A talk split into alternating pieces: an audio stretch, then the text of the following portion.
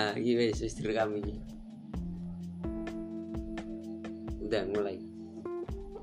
MC ini kue waku sini? MC ini orang nama sini?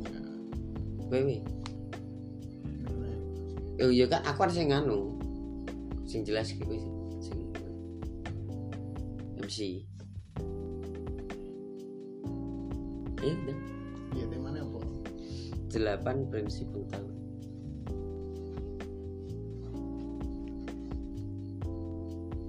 Iya cepet ya udah terus saya aku sing jawab iku ae Enggak aku mau ngasih memberi ngei anu apa jenenge? Masuk apa? Eh pendahuluan. Nah coba. Nah ya kasih oke setelah kemarin kita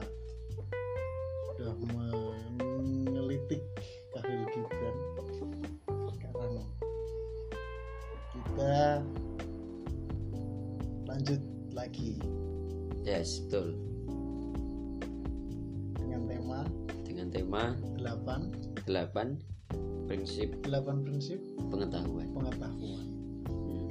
sekarang kita kedatangan datangan orang yang saya undang ke sini. Ya. Perkenalkan namanya dulu. Kenalkan nama saya Bu?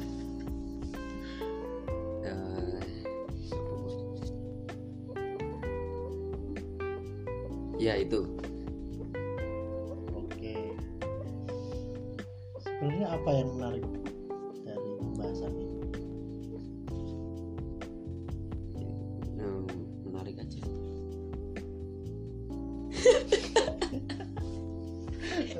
kok ya? Kalau bahasa bahasa barang menarik ini menarik. Aku kan nggak ngerti aku isinya apa. Ikan emang tak ada si ake gitu. Iya aku posisinya apa? MC sing heeh. aku sing nulis begini oh ngono. Iya. Oh ngono. Tayo ngono. Itu kan promosi. Iya. Menarik. Menariknya apa? Iya menarik menarik karena ini eh, membahas tentang delapan prinsip pengetahuan. Jadi apa itu delapan prinsip? Apa saja? Iya kan nanti pembahasannya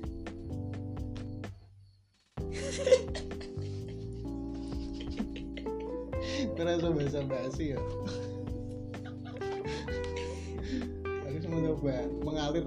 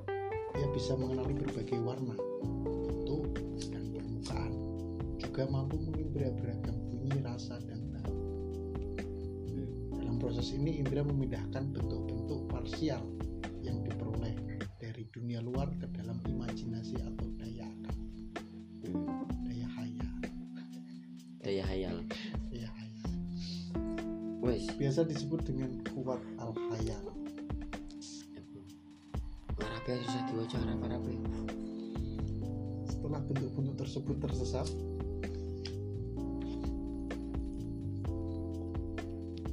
di sini ada dua bentuk. Dua bentuk tersebut, bentuk? Dua bentuk konsep, bentuk konsep. Konsep. Konsep, konsep aksiomatis dan proporsi aksiomatis. Proporsi kita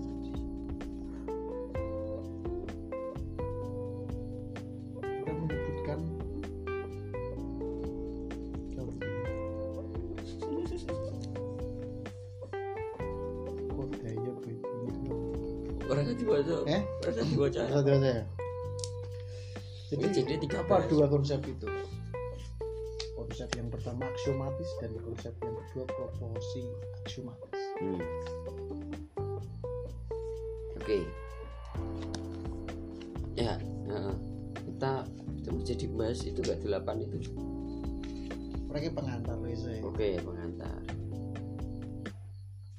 Ya, jadi eh, ada beda antara kaidah dan cara. Kaidah dan cara. Kaidah dan cara itu ada bedanya. Kalau kaidah itu cara-cara yang telah diatur. Jadi kaidah itu sudah pasti isinya cara-cara. Tapi sudah diatur, sudah di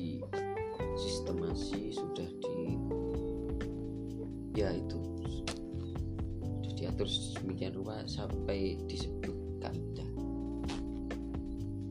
Tapi kalau cara itu belum tentu kaidah.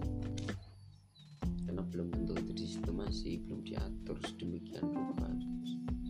Berarti ada dua ya. Ada ada kaidah, ada cara. Kaidah dan cara. Kalau Kaidah, kaidah itu di situ menyangkut mencakup cara-cara. ya, Tapi cara belum tentu bisa jadi kaidah.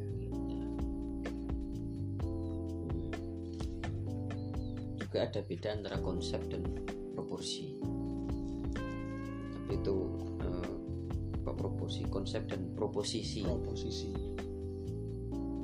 konsep dan proposisi aksiomatis apa sih ya Ya saya. oh ya itulah kita masuk ke delapan prinsip pengetahuan Delapan prinsip pengetahuan.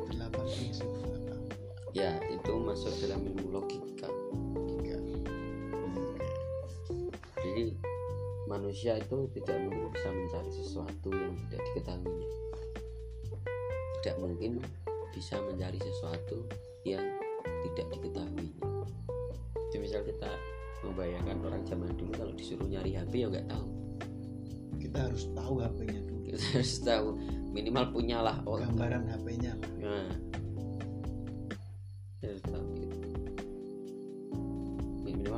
istilah HP dulu lah. Istilah HP ya? Orang zaman dulu nggak tahu. Ini apa sih? HP no. Kita harus tahu dulu baru mencari. harus tahu dulu baru mencari. Jangan mencari dulu baru. Jangan mencari dulu terus nggak tahu apa yang nggak dicari. tahu apa yang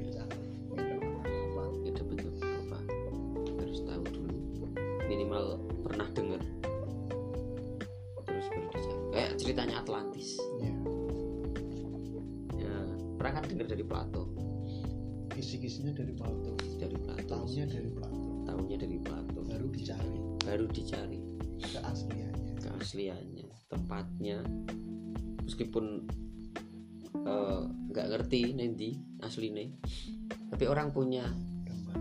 punya gambaran pernah dengar pernah dideskripsikan Plato ini orang mencari jadi harus tahu dulu pernah dengar dulu baru mencari jadi kalau orang mencari jati diri itu aneh Dia tidak mengenali jati dirinya. Mungkin dia mencari. ya, mencari tapi dia nggak tahu Seharusnya kan dia tahu jati dirinya Ya. dulu. Baru dia mencari. baru mencari Seharusnya seperti itu. Ini konsep yang pertama. belum ini Oh, belum belum. masuk Ini belum masuk. ini ya? baru Delapan itu. baru pendahuluan Oh baru pendahuluan. Hmm, kayak orang mencari jodoh. Gimana itu? ya orang harus tahu dulu kriterianya dulu. Bibit bibit bobot eh kok aku sih jadi jodoh kan kudu kok sih jadi jodoh iya. Kan konsepmu. Oh iya Dik. jadi orang harus tahu dulu tentang jodoh konsep jodohnya. Minimal kriterianya.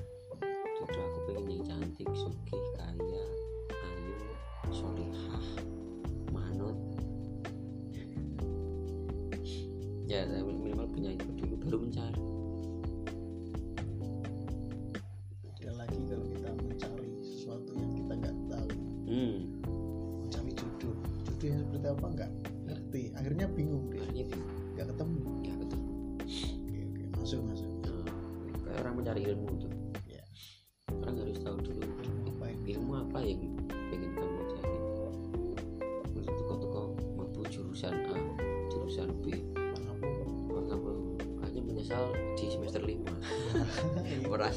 merasa salah jurusan merasa salah jurusan. Berarti kesalahan-kesalahan itu bisa terjadi karena dia tidak tahu. Dulu tidak tahu dulu apa yang ingin dia cari sebenarnya. Jadi memang harus tahu dulu ya ya orang kalau habis lulus SMA atau dari kelas 1 mau naik ke kelas 2 penjurusan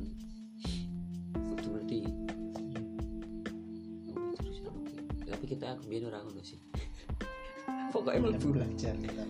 Nah, itulah. Itulah keunikannya. Karena ini kan teori ya. Teori. Nah, selanjutnya manusia tidak mungkin bisa mencari sesuatu yang tidak diketahuinya. Sebagaimana ia tidak mungkin menikmati sesuatu yang tidak dirasakan kebutuhannya. Jadi manusia tidak mungkin bisa menikmati sesuatu yang dia tidak merasa butuh. Misal eh, orang merokok dia bisa merasakan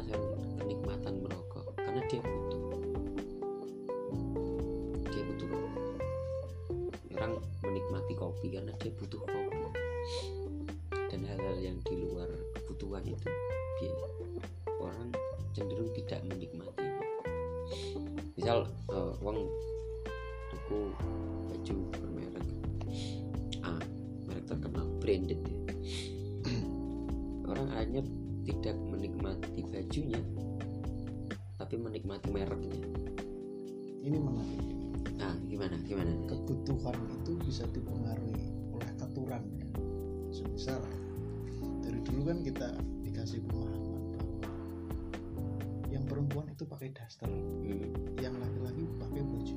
hmm, Semisal dibalik, kalau aturannya kan seperti itu. Yang laki-laki aku mau pakai daster, padahal nggak butuh daster, ya? Dia otomatis nggak bisa menikmati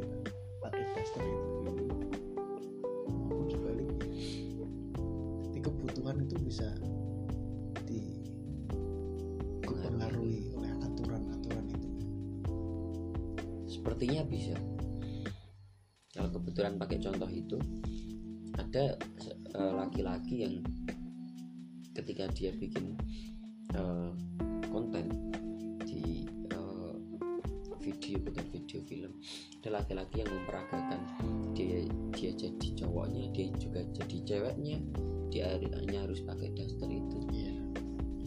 Tapi dia tidak menikmati memakai dasternya tapi menikmati eh, perannya dan uangnya ya. menikmati perannya sebagai perempuan di situ jadi bukan menikmati daster.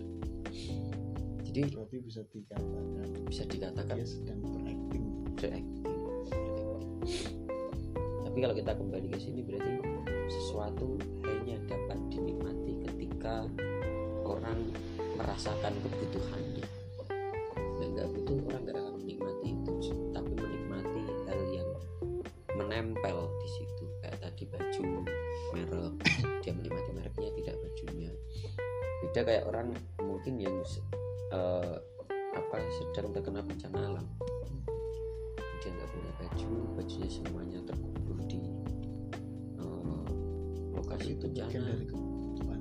nah akhirnya kan terjadi kebutuhan.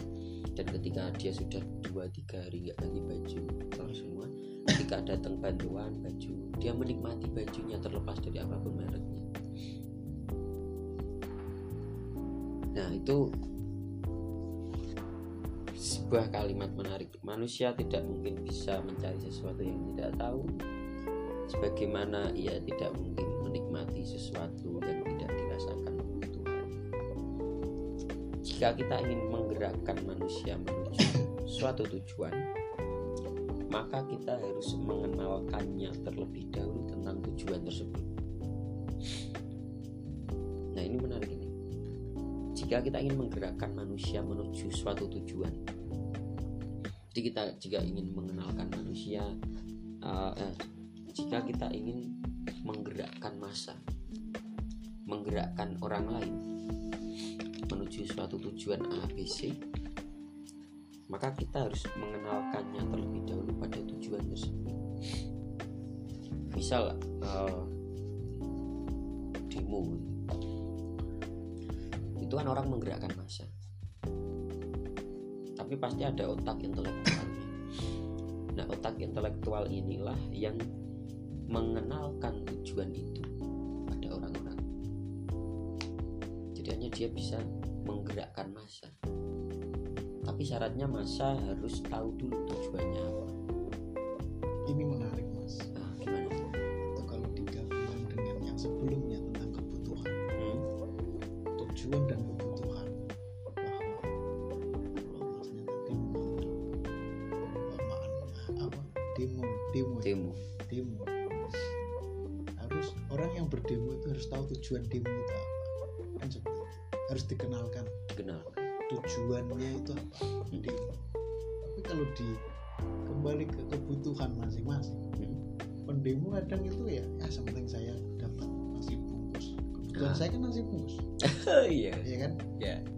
kebutuhan saya kan amplop 50 Hmm. itu seperti apa Nah, jadi penikmatannya akan beda. Mungkin uh, orang yang benar-benar memiliki tujuan untuk demo, dia akan menikmati setiap momen di demo itu dan menikmati ketika tujuan dari demo itu tercapai.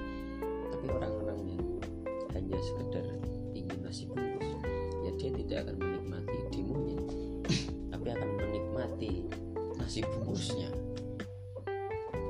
Orang yang hidupnya di kamar ya yang dia lihat hanya lemari pakaian baju Ah, beda dengan orang yang luar-luar. Luar-luar di sini kan maksudnya pemikirannya yang keluar. Ya. Ya, betul.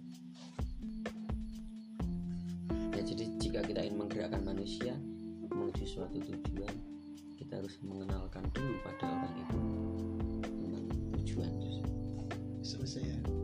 Eh? selesai Bro, orang ini lu bahas delapan. biasa prinsip. suwen no bisa basi terus. Lanjut gak ini? ya Bahasa gue bahasa. golek sing menarik apa sing substansi nih Yang menarik gue rasa substansi. saya isi penting kan? Ini yang penting. Yang penting tidak berisi. tidak berisi. Karena tidak berisi itu bagian dari berisi Kosong adalah isi, kosong adalah isi. Isi adalah kosong. Jadi kata-kata kata-kata. guru kelas sakti nah, kosong adalah isi cong. Isi adalah isi adalah kosong. nah selain mengenalkan pada tujuan kita perlu menjelaskan manfaat apa yang akan diperoleh dan langkah apa yang mesti ditempuh agar bisa sampai pada tujuan tersebut. Jadi ketika tadi kita membahas tentang demo orang harus diberitahu tujuan dari demo itu apa dan selain tujuannya juga harus diberitahu manfaat dari demo itu apa. Misal demo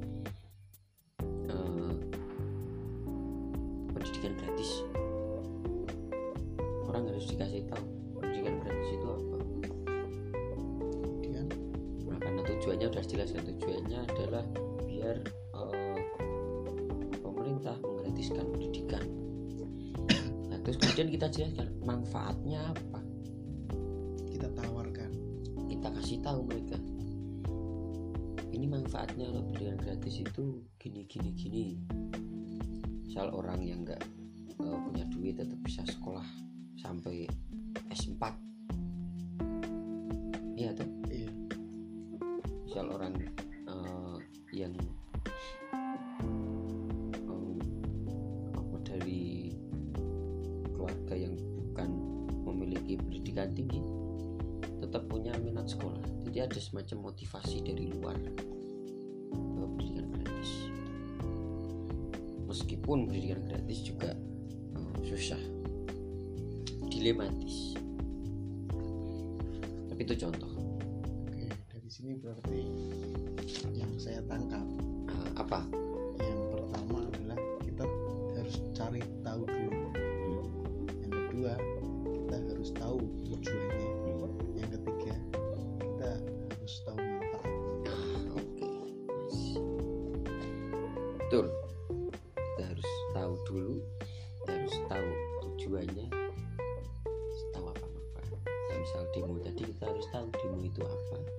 tujuan apa, manfaatnya.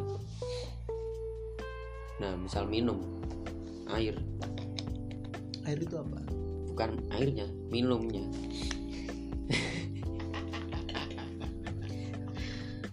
Minum itu apa?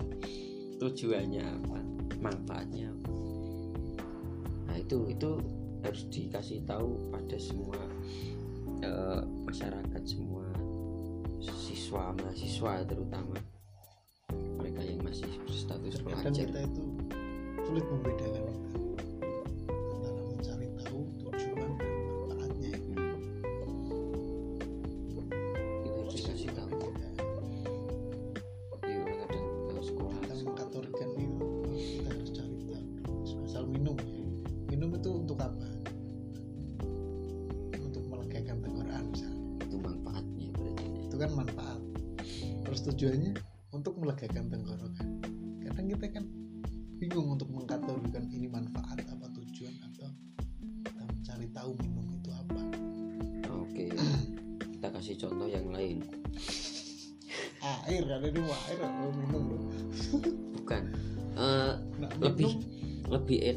contohnya itu tindakan.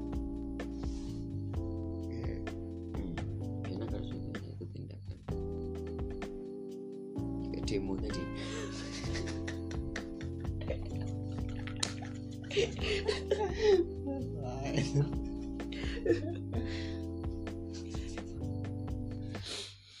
Iya toh, lebih enak tuh. Kalau contohnya air,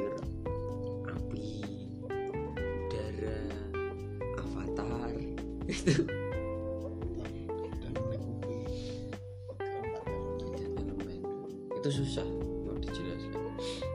Eh, apa kompleks nanti penjelasannya kompleks. Jadi kita kasih contoh yang lebih kompleks aja.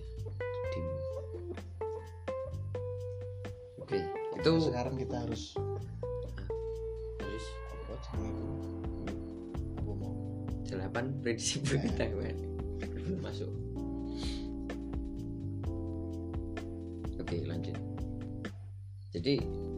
yang di atas tadi cari tahu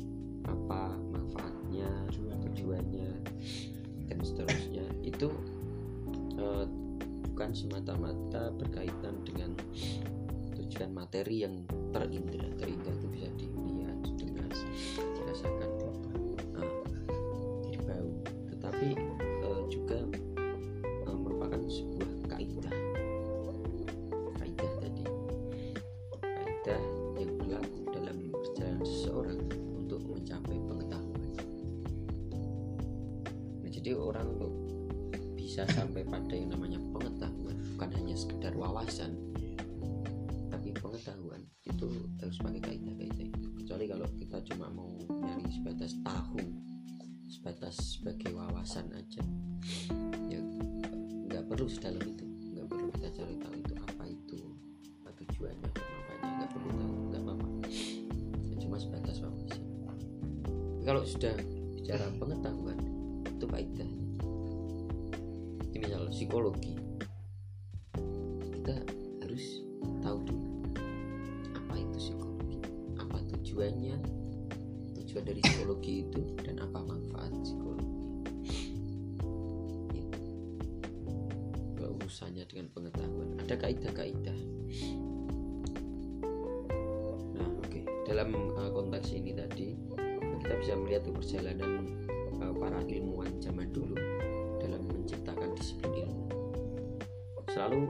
dimulai dengan apa tujuannya dan apa manfaatnya. Jadi mereka sebelum eh, menciptakan disiplin ilmu para ilmuwan itu mereka terlebih dahulu membangun kaidah untuk memudahkan pembahasan tentang ilmu yang mereka ciptakan itu. Dan eh, apa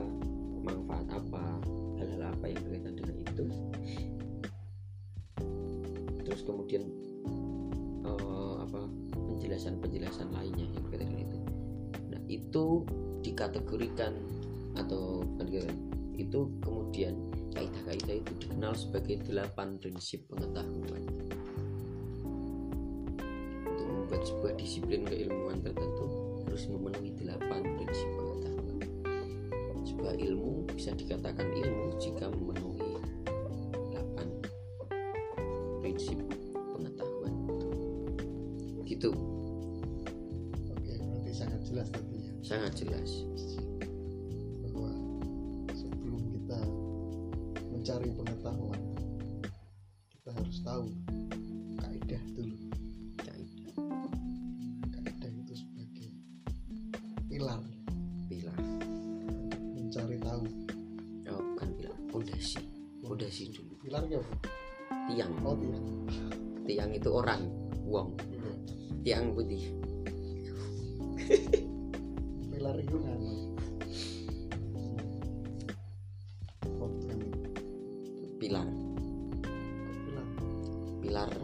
pondasi.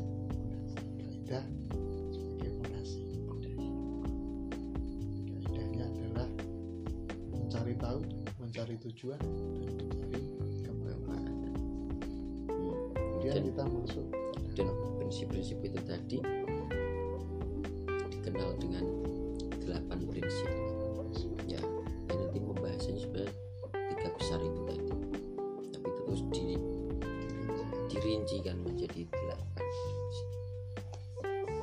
spoiler ya ini spill ya spill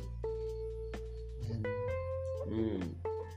Jadi para ilmuwan itu menetapkan delapan prinsip pengetahuan tersebut agar eh, para pencari ilmu itu bisa tahu betul apa yang dicarinya.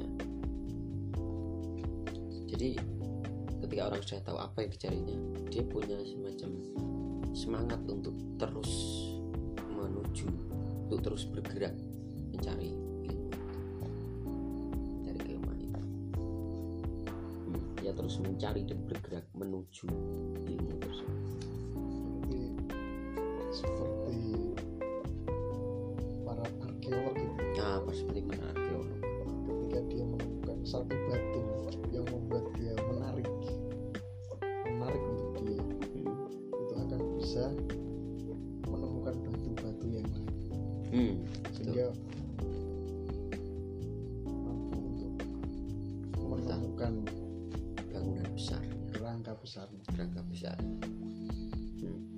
arkeolog selalu mengikuti batu para arkeolog sudah ikuti Selalu. batunya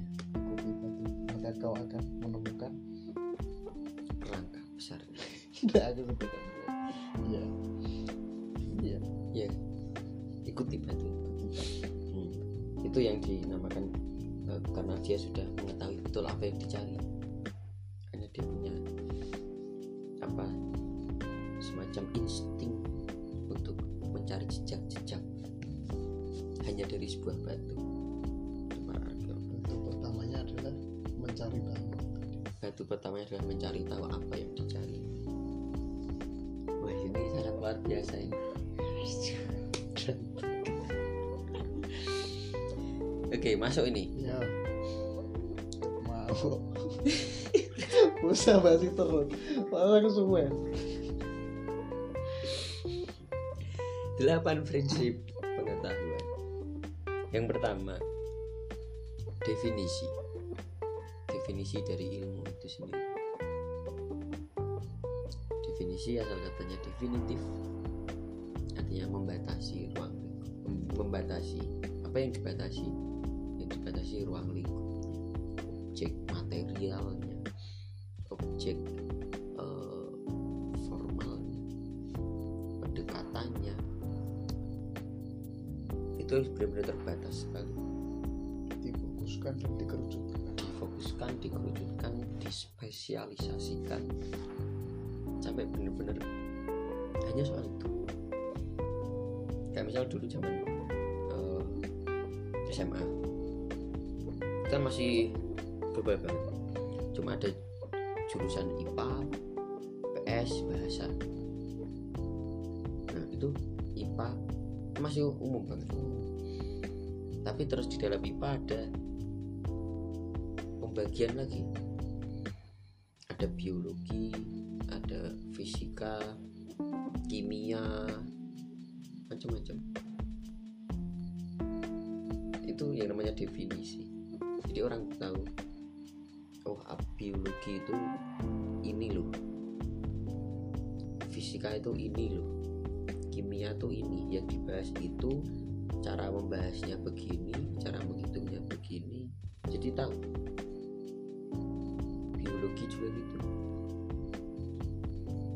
terbatas objek materialnya. Misal arkeolog arkeologi. Ya yang dibahas ya itu. Tulang batu. Tulang batu. Rock apa.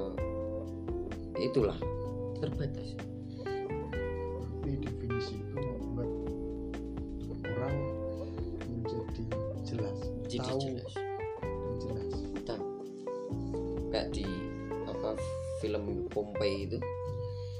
situ ada manusia manusianya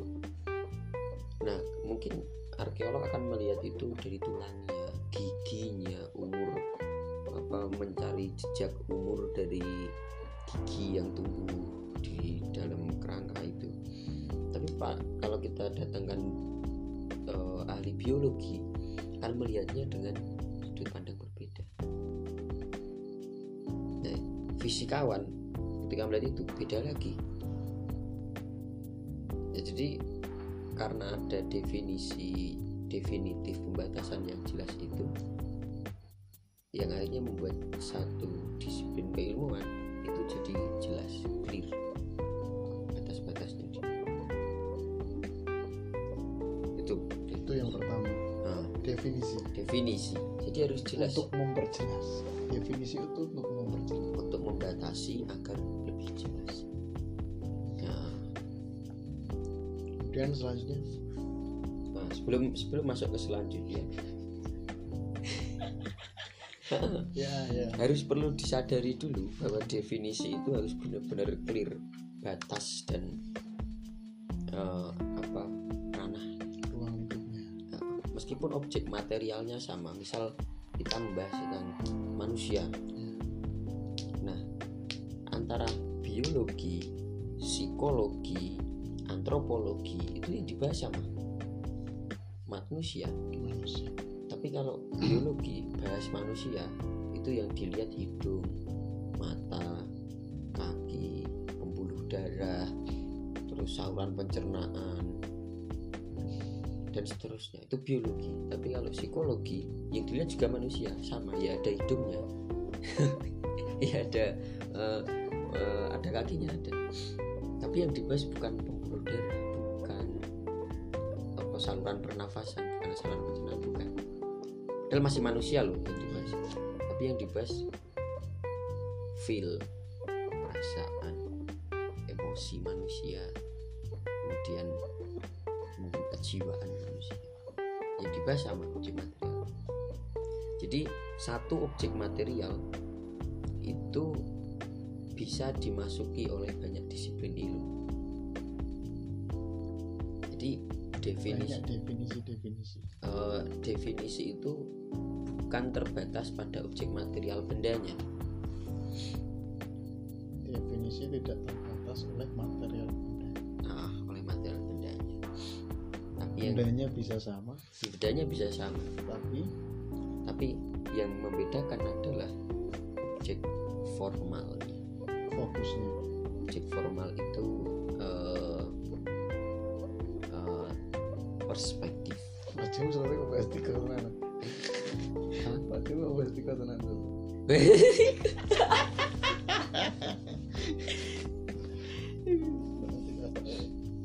perspektif tapi pendekatan. Pendekatannya itu yang harus clear. Yang dibahas sama nggak apa-apa nggak masalah. Semakin rinci lagi misal uh, yang dibahas masih manusia. Dermatologi. Dermatologi itu ilmu yang mempelajari tentang kulit derm. Yang dibahas manusia. Beda tapi sama biologi biologi membahas dari mulai mata hidung telinga wajah ya toh biologi. Masih umum. Kemudian itu dipersempit lagi dengan dermatologi. Itu masih dalam satu rumpun biologi karena yang dibahas masih manusia dan masih uh, yang nampak dari manusia yang bisa disentuh. Tapi itu lebih mengkerucut lagi dermatologi cuma bahas kulitnya aja. Ya di salah satu jurusan kedokteran itu ada spesialisasi dermatologi khusus kulit. Itu di Korea laku banget. Ya operasi kulit itu melibatkan dermatologi. Berarti definisi itu bisa membantu bisa membantu. fokuskan. Bahkan sing biologi yang tampak sudah fokus lebih bisa Masih bisa difokuskan. dirinci bisa, bisa dirinci lagi. Misal dari dermatologi yang cuma bahas kulit. Terus ada lagi yang dokter ahli jantung. Hmm, itu cuma satu organ toh. Cuma satu organ toh yang dibahas. Tapi itu banyak spesialisasi jantung itu dokter. Ada yang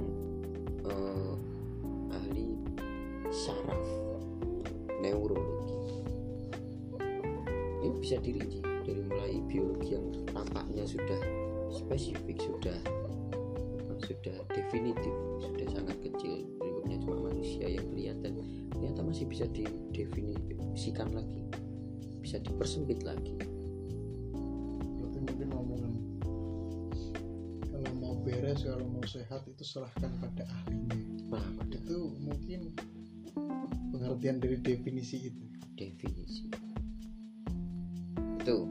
Jadi definisi di sini definisi ilmu pembahasan tentang definisi ilmu itu sebenarnya sangat dalam sekali. Baru ke dari permukaannya aja. Seperti itu sesuatu tidak terbatas pada objek materialnya kemudian yang tampaknya sudah sangat definitif sudah sangat terbatas. Kayak tadi misal contoh biologi ternyata masih bisa dipersempit lagi. Itu masih bisa dipersempit lagi. Kita bahas tentang misal eh, apa? Ya itu terlalu panjang ya. Terlalu panjang. Terlalu panjang. Kita langsung ke eh, nomor dua. Ya, delapan prinsip pengetahuan nomor dua. Yang pertama tadi definisi ilmu. Yang kedua penggagas ilmu. Nah itu ini penting. Penggagas ilmu jadi sebuah ilmu itu harus punya bapak. Semua orang sepakat bahwa eh, ibunya itu filsafat. Ibu dari- i- ibunya. Ibu dari semua pengetahuan itu filsafat. Karena filsafat menyediakan eh, cara berpikir menyediakan eh, apa epistemologi metode kebenarannya. Bagaimana sesuatu disebut benar menyediakan banyak sekali teori menyediakan konsep menyediakan eh, paradigma dan sebagainya. Sampainya itu disebut ilmu pengetahuan.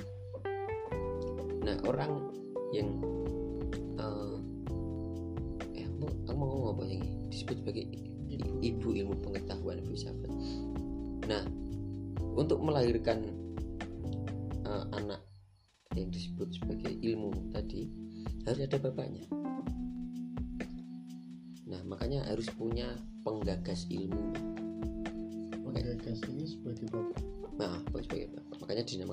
sosiologi, bapak antropologi, bapak fisika, wah, bapak biologi. Wah, Nah, ini mungkin agak patriarkal ya, patriarkal agak memikirkan agak misoginis. Tapi eh, mungkin kalau yang menemukan cewek nanti silakan tinggal dibolak-balik aja itu tidak masalah. misal eh, ada ilmu baru yang menemukan perempuan. Ya udah filsafat adalah bapak ilmu pengetahuan. Saya ibunya gitu aja. Ya saya terus sebut ibu eh, apa misal nama ilmunya. Karena memang dari dulu kan ada semacam sejarah misoginis panjang misoginis itu eh, semacam ketidaksukaan pada perempuan kebencian pada perempuan disebut mis- misoginisme kayak misal Aristoteles sebagai eh, bapak pertama filsafat dia dianggap misoginis. Karena dia pernah ngomong perempuan itu bayi yang bertubuh besar. Jadi kayaknya dia udah dewasa tapi otaknya bayi.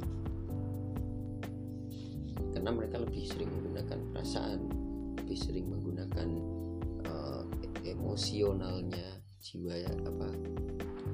Ya itu nyala nah itu sikap-sikap misoginisme ilmuwan sejak dulu hanya terus membuat pola polarisasi semacam ini. Kembali lagi ke ibu. Filsafat ada bapaknya ada penggagasnya. Ini penting karena nanti ilmu akan di disandarkan pada siapa? Kebenarannya ada sanat sanat jalur, jalur keilmuan. Ini dipengaruhi siapa? Ini di anu siapa? Itu jelas. Misal eh, Sigmund Freud. Terus punya muridnya Carl Jung itu jelas. Sebagai bapak eh, sosiologi. Nah itu jadi harus ada penggagas ilmu. Jadi orang bisa tahu bisa mempelajari itu dan bisa mengembangkan itu nantinya. Jadi ketika kita mencari sosiologi orang akan bahas pasti Sigmund Freud. Setelah ah, apa yang bisa dikembangkan? Entah itu metodenya entah itu eh, cara entah itu apa pun. Harus jelas tokohnya nah kalau bisa dicari teman-teman bisa nyari eh, setiap ilmu itu pasti punya itunya tokohnya misal biologi misal tokoh fisika pasti punya. Yang penggagas itu penting. Kayak misal eh, apa Rumiyah kitab kebahasaan Arab itu ada. Penggagas. Fungsi penggagas itu sebagai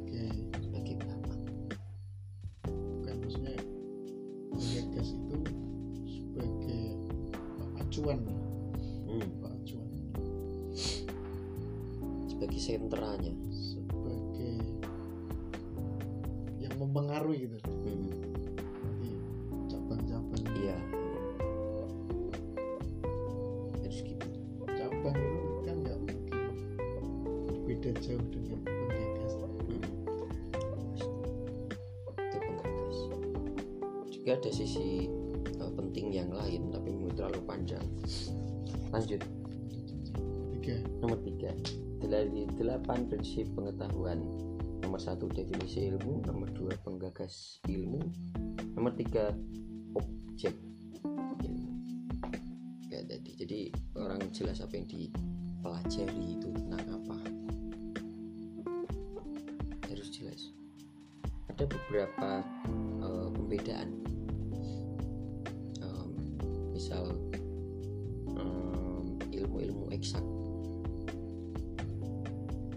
Objek-objek ilmunya ya yang nampak yang bisa diukur yang bisa di eh, verifikasi. Bisa kayak misal biologi fisika dan sebagainya. Tapi yang lebih penting objek ilmunya harus jelas. Nggak boleh ini ilmu apa? Oh, ini mau eh, nanananalogi. Apa yang dipelajari nggak ada yang dipelajari. Nggak ada objeknya ini ilmunya. Harus ada objeknya. Harus ada objeknya. Mungkin bisa ada hidungologi jadi yang belajar hidung jisamsologi. Nah berarti yang belajar j- Syams ya sering kali nama-nama ilmu itu depannya pasti ada nama objeknya. Terus dikasih logi logos. Ya ilmu yang mempelajari tentang pasti. Jisaus pasti definisinya gitu. Biologi ilmu yang belajar tentang bios. Fisiologi ilmu yang belajar tentang fisik. Antropologi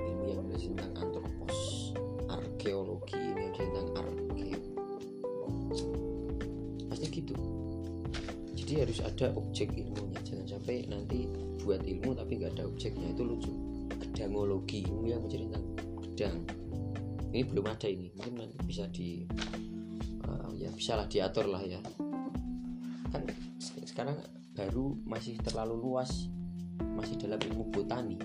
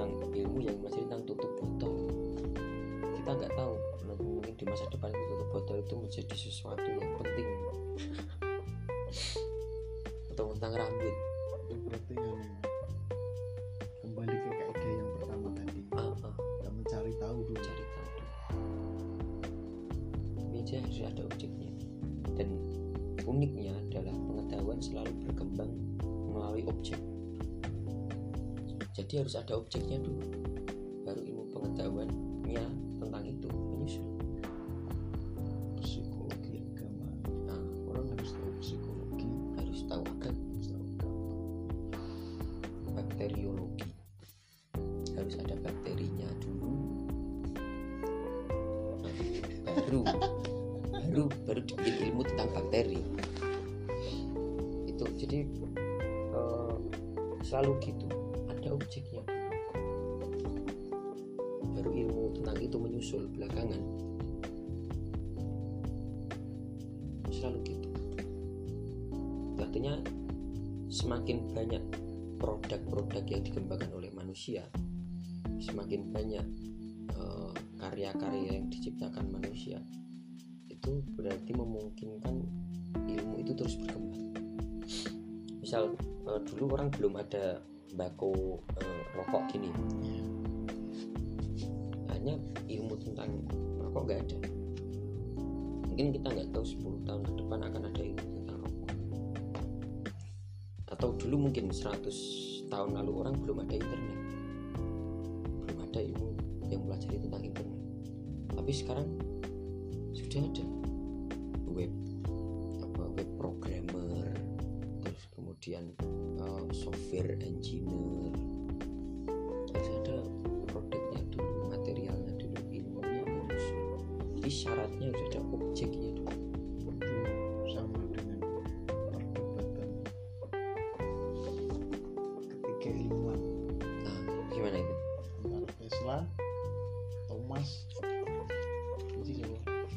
oh ya gimana itu?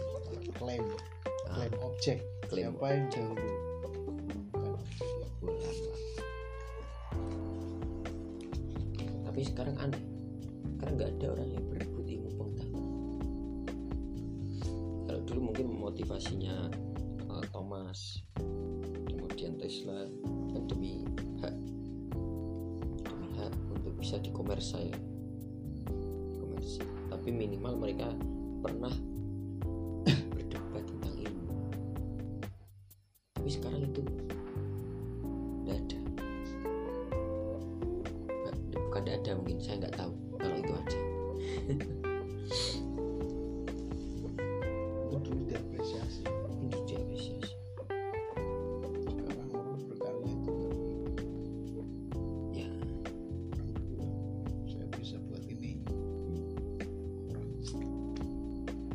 apresiasi. Mungkin sekarang kurang apresiasi.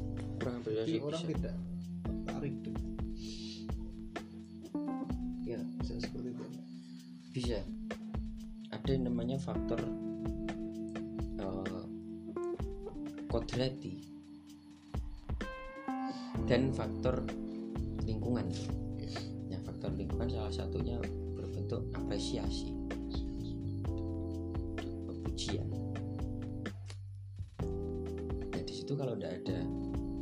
apresiasi nggak ada tujuan ya nggak ada pujian. Nah orang akan cenderung tidak lagi termotivasi tidak lagi merasa dihargai. Jadi itu penting. Apresiasi. Lanjut. Nomor 4 8 prinsip pengetahuan. Pertama, definisi ilmu. Kedua, penggagas ilmu. Ketiga, objek ilmu Dan yang keempat Elemen-elemen ilmu Nah ini penting Elemen-elemen ilmu Bentar, nyontek dulu.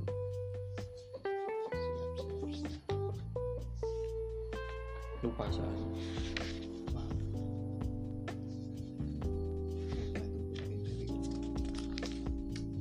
Ya. Gak iso lupa gimana aja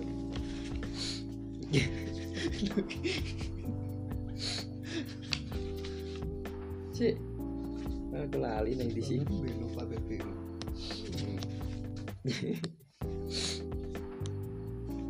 elemen.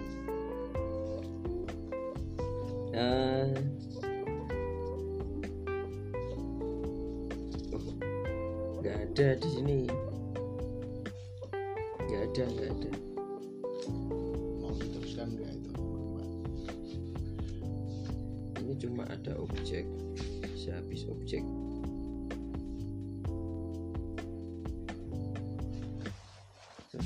elemen dalam objek itu juga penting.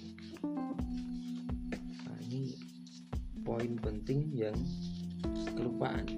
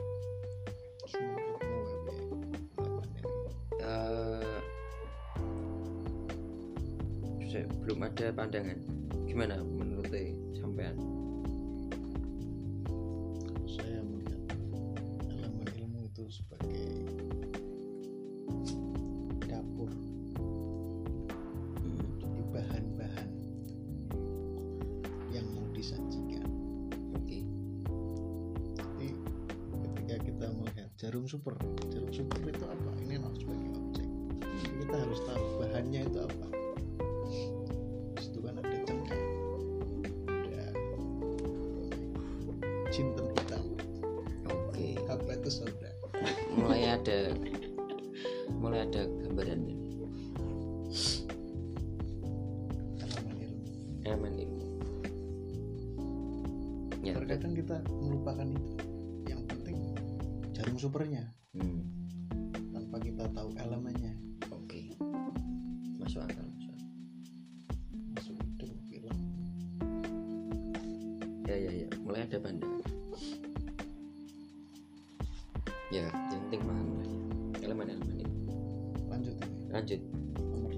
nomor lima masalah-masalah ilmu Hmm. Jadi kita harus tahu eh, bagaimana masalah-masalah yang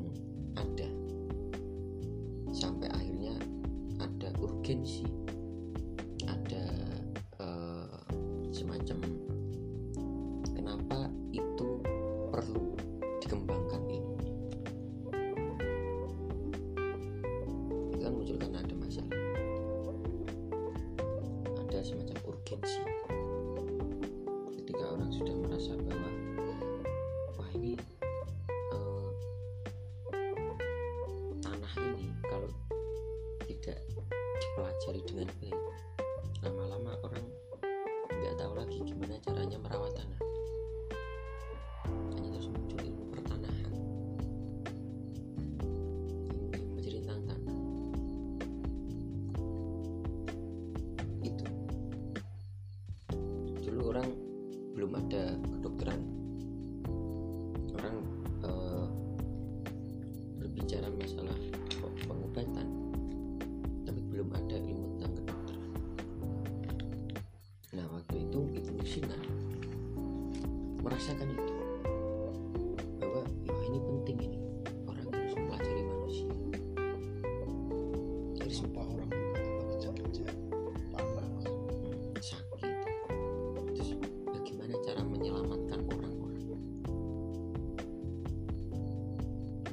ada urgensi semacam itu.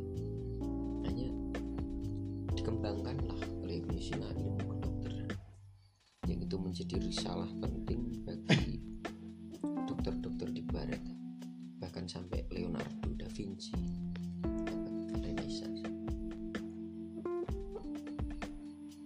itu harus ada urgensi dulu. Dan urgensi itu muncul dari masalah-masalah. Tapi yang pasti masalahnya harus definitif manusia seputar manusia. Manusianya yang seputar mana? Oh seputar organ dalam itu masalah-masalah yang ada dalam seputar organ dalam.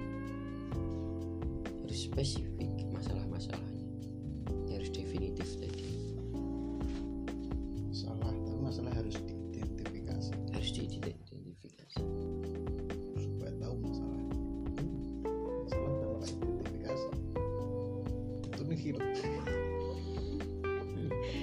harus tahu dulu masalahnya. Berarti ini ada benang merahnya. Ada benang merah definisi. Kemudian sama objek. Cek kemudian juga tadi apa ada ada hubungannya semua. Ada hubungannya semua. Ini nggak bisa berdiri sendiri makanya delapan prinsip itu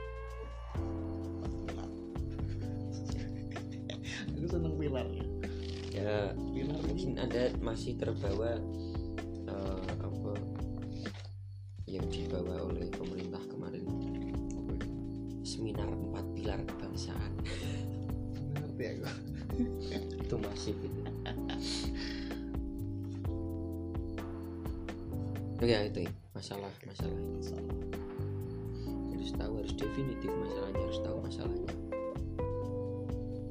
Yang keenam tujuan mencari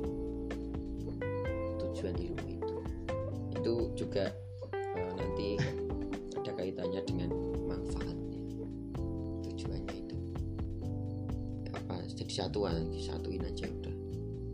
Tujuan dan manfaatnya itu harus jelas. Jadi orang mempelajari itu tuh tahu. Buat apa?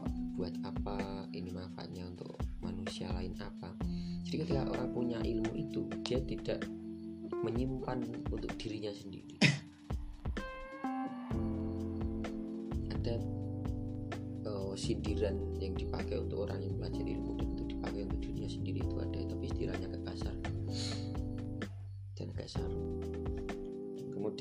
yang ketujuh. Tingkatan ilmu. Jadi kalau membuat ilmu itu di sebuah ilmu harus bisa membuat tingkatannya ini yang untuk dipelajari pemula ini menengah ini level paling sulit ini. Harus tahu harus bisa membuat tingkatan-tingkatan kayak gitu. Clear ya? Jelas. Nomor 8 metode yang digunakan. Nah oke itu tadi 8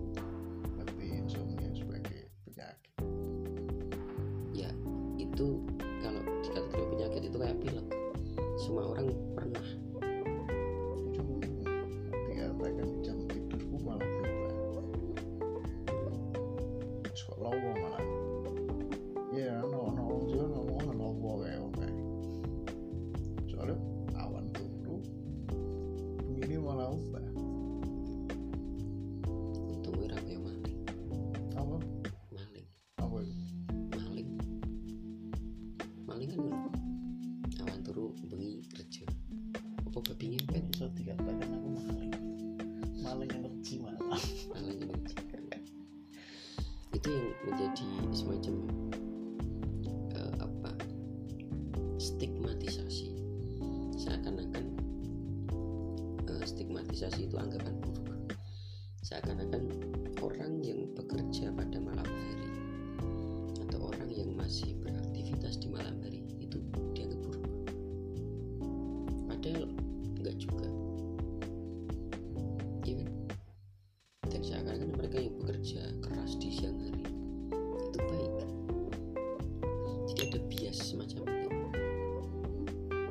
ya tentu. Nggak mesti dong. Kan? Nah padahal nggak mesti ya. Kita kan dengan orang-orang banyak itu.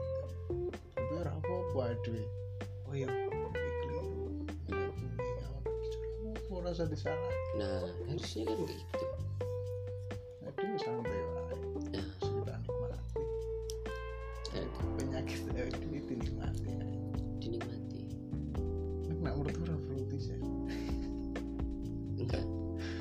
Ada beda.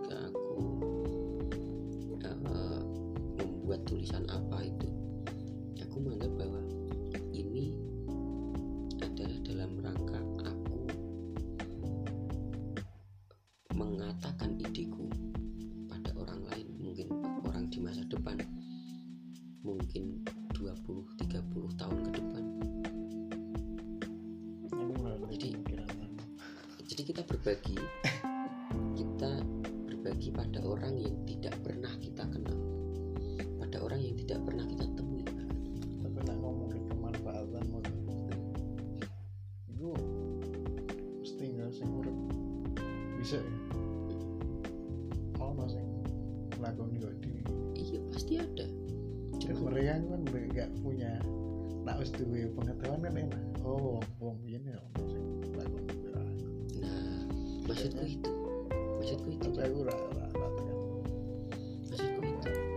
Jadi kita emang share itu agar orang-orang yang mendengar kita mungkin yang juga mengalami hal yang sama kayak awakmu itu tidak merasa sendirian ya. Nggak sendirian nah itu yang menyebabkan orang kadang minder kurang jauh diri dan sebagainya karena dia merasa sendiri merasa berbeda. Karena dia belum bertemu dengan orang yang me- memiliki senasib seperjuangan. Nah itu dalam rangka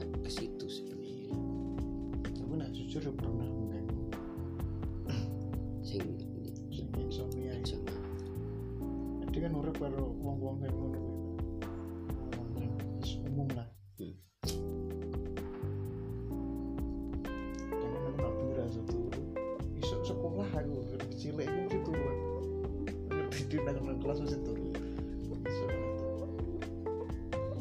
wong sing gak seneng kayak ya masa depan suram Maksud aku saiki malah karo wong ngono. Ora aku benci ora. ya ini wongnya tersiksa ngerti aku ya. Sedangkan aku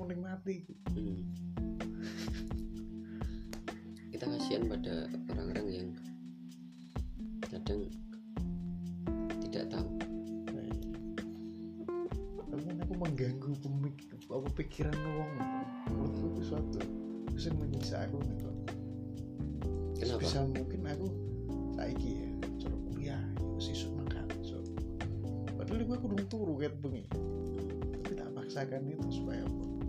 Ben wong ora terlalu berpikiran aneh-aneh. justru dengan mengganggu pikiran manusia itu artinya membuat masalah baru kan membuat masalah baru itu artinya memungkinkan orang untuk mencari solusi misal kita nggak pernah tahu misal di masa depan ada sekolah khusus untuk orang-orang insomnia yang bengi. Mangkate berisa Soalnya bisa. kita nggak pernah tahu. Soalnya aku sih Nah, iya kan? Nah, kita dengan mengganggu pikiran kayak gitu memungkinkan kita untuk memikirkan hal yang inovatif. Hal-hal yang mungkin nggak pernah dipikirkan orang. Untuk saat ini aku bisa Hmm. mengganggu pikiran orang. Ini nih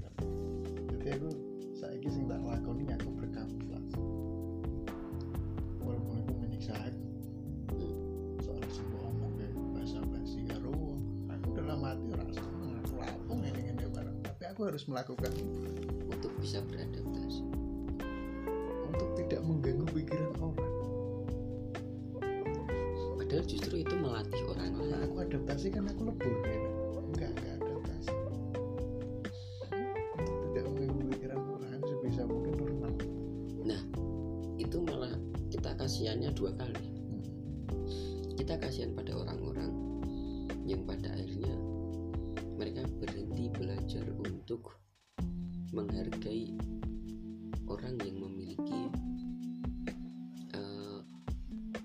sesuatu yang berbeda.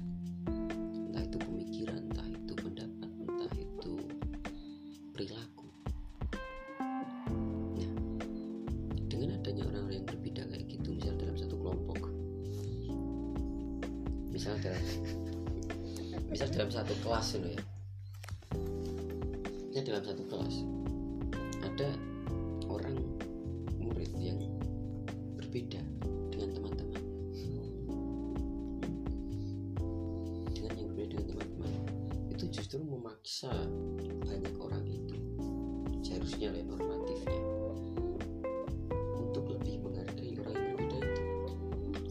logiknya gitu kan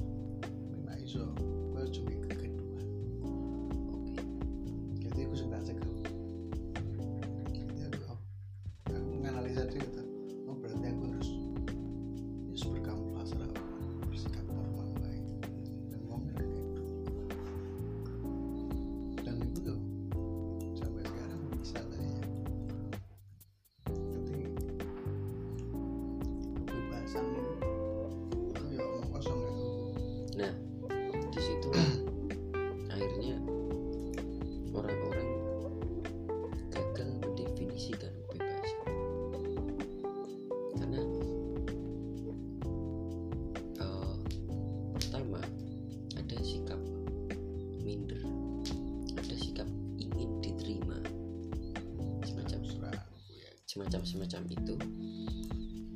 Orang akhirnya gagal untuk memahami orang lain. Untuk memahami eh, mereka yang berbeda dengan kebanyakan. Atau mereka yang termarginalkan nah karena ada paradigma semacam itu banyak orang yang kurang aware. Pada mereka yang termarginalkan. Misal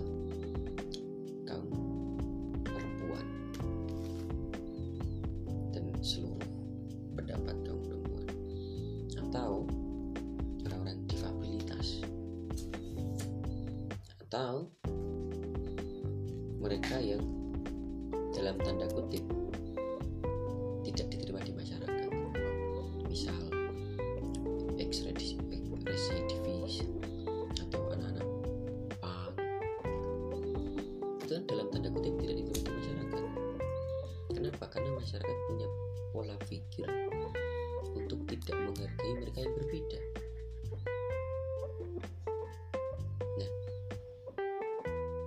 harusnya itu eh,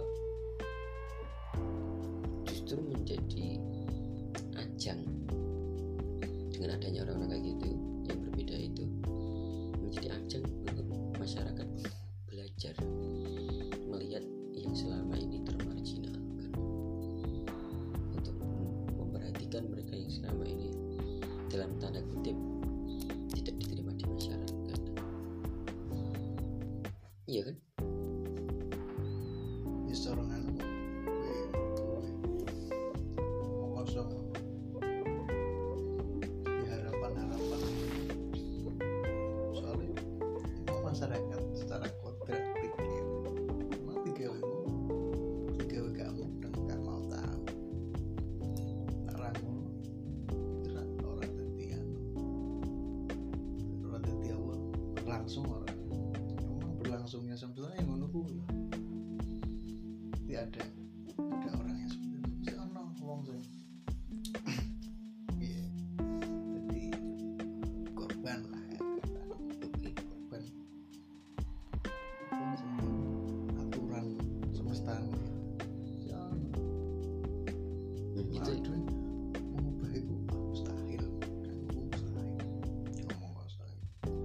bukan mengubah. Bukan mengubah tapi memberikan pemahaman. Itu beda. Jadi akhirnya orang-orang akan memberikan ide. Karena pikiran mereka terganggu. Akan memberikan ide yang itu menyebabkan inklusivitas. Iya. Inklusivitas eh, semacam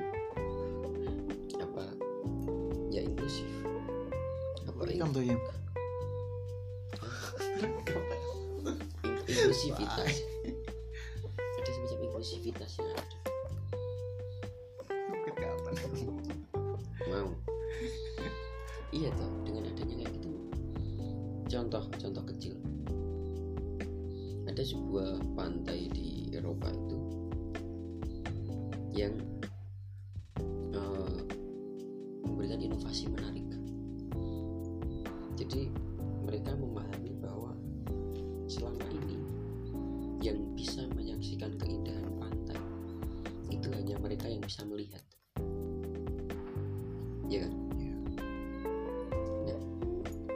karena mereka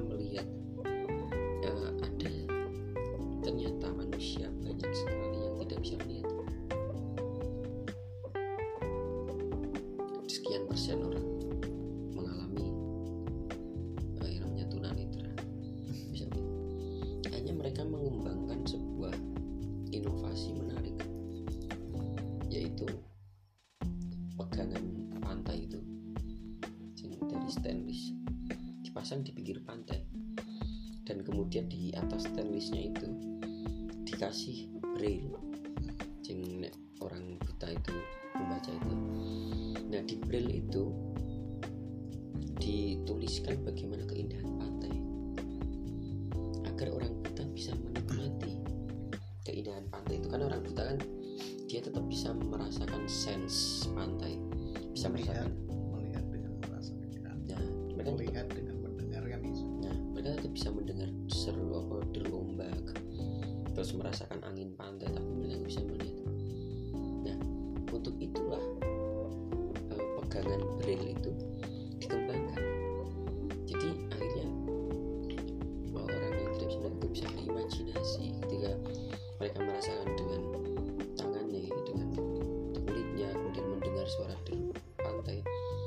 sambil memegang grill itu nah, raba-raba itu?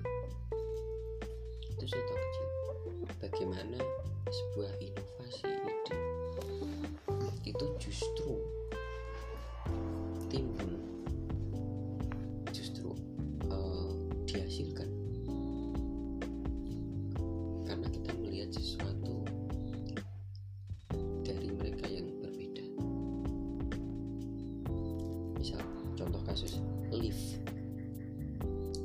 itu juga.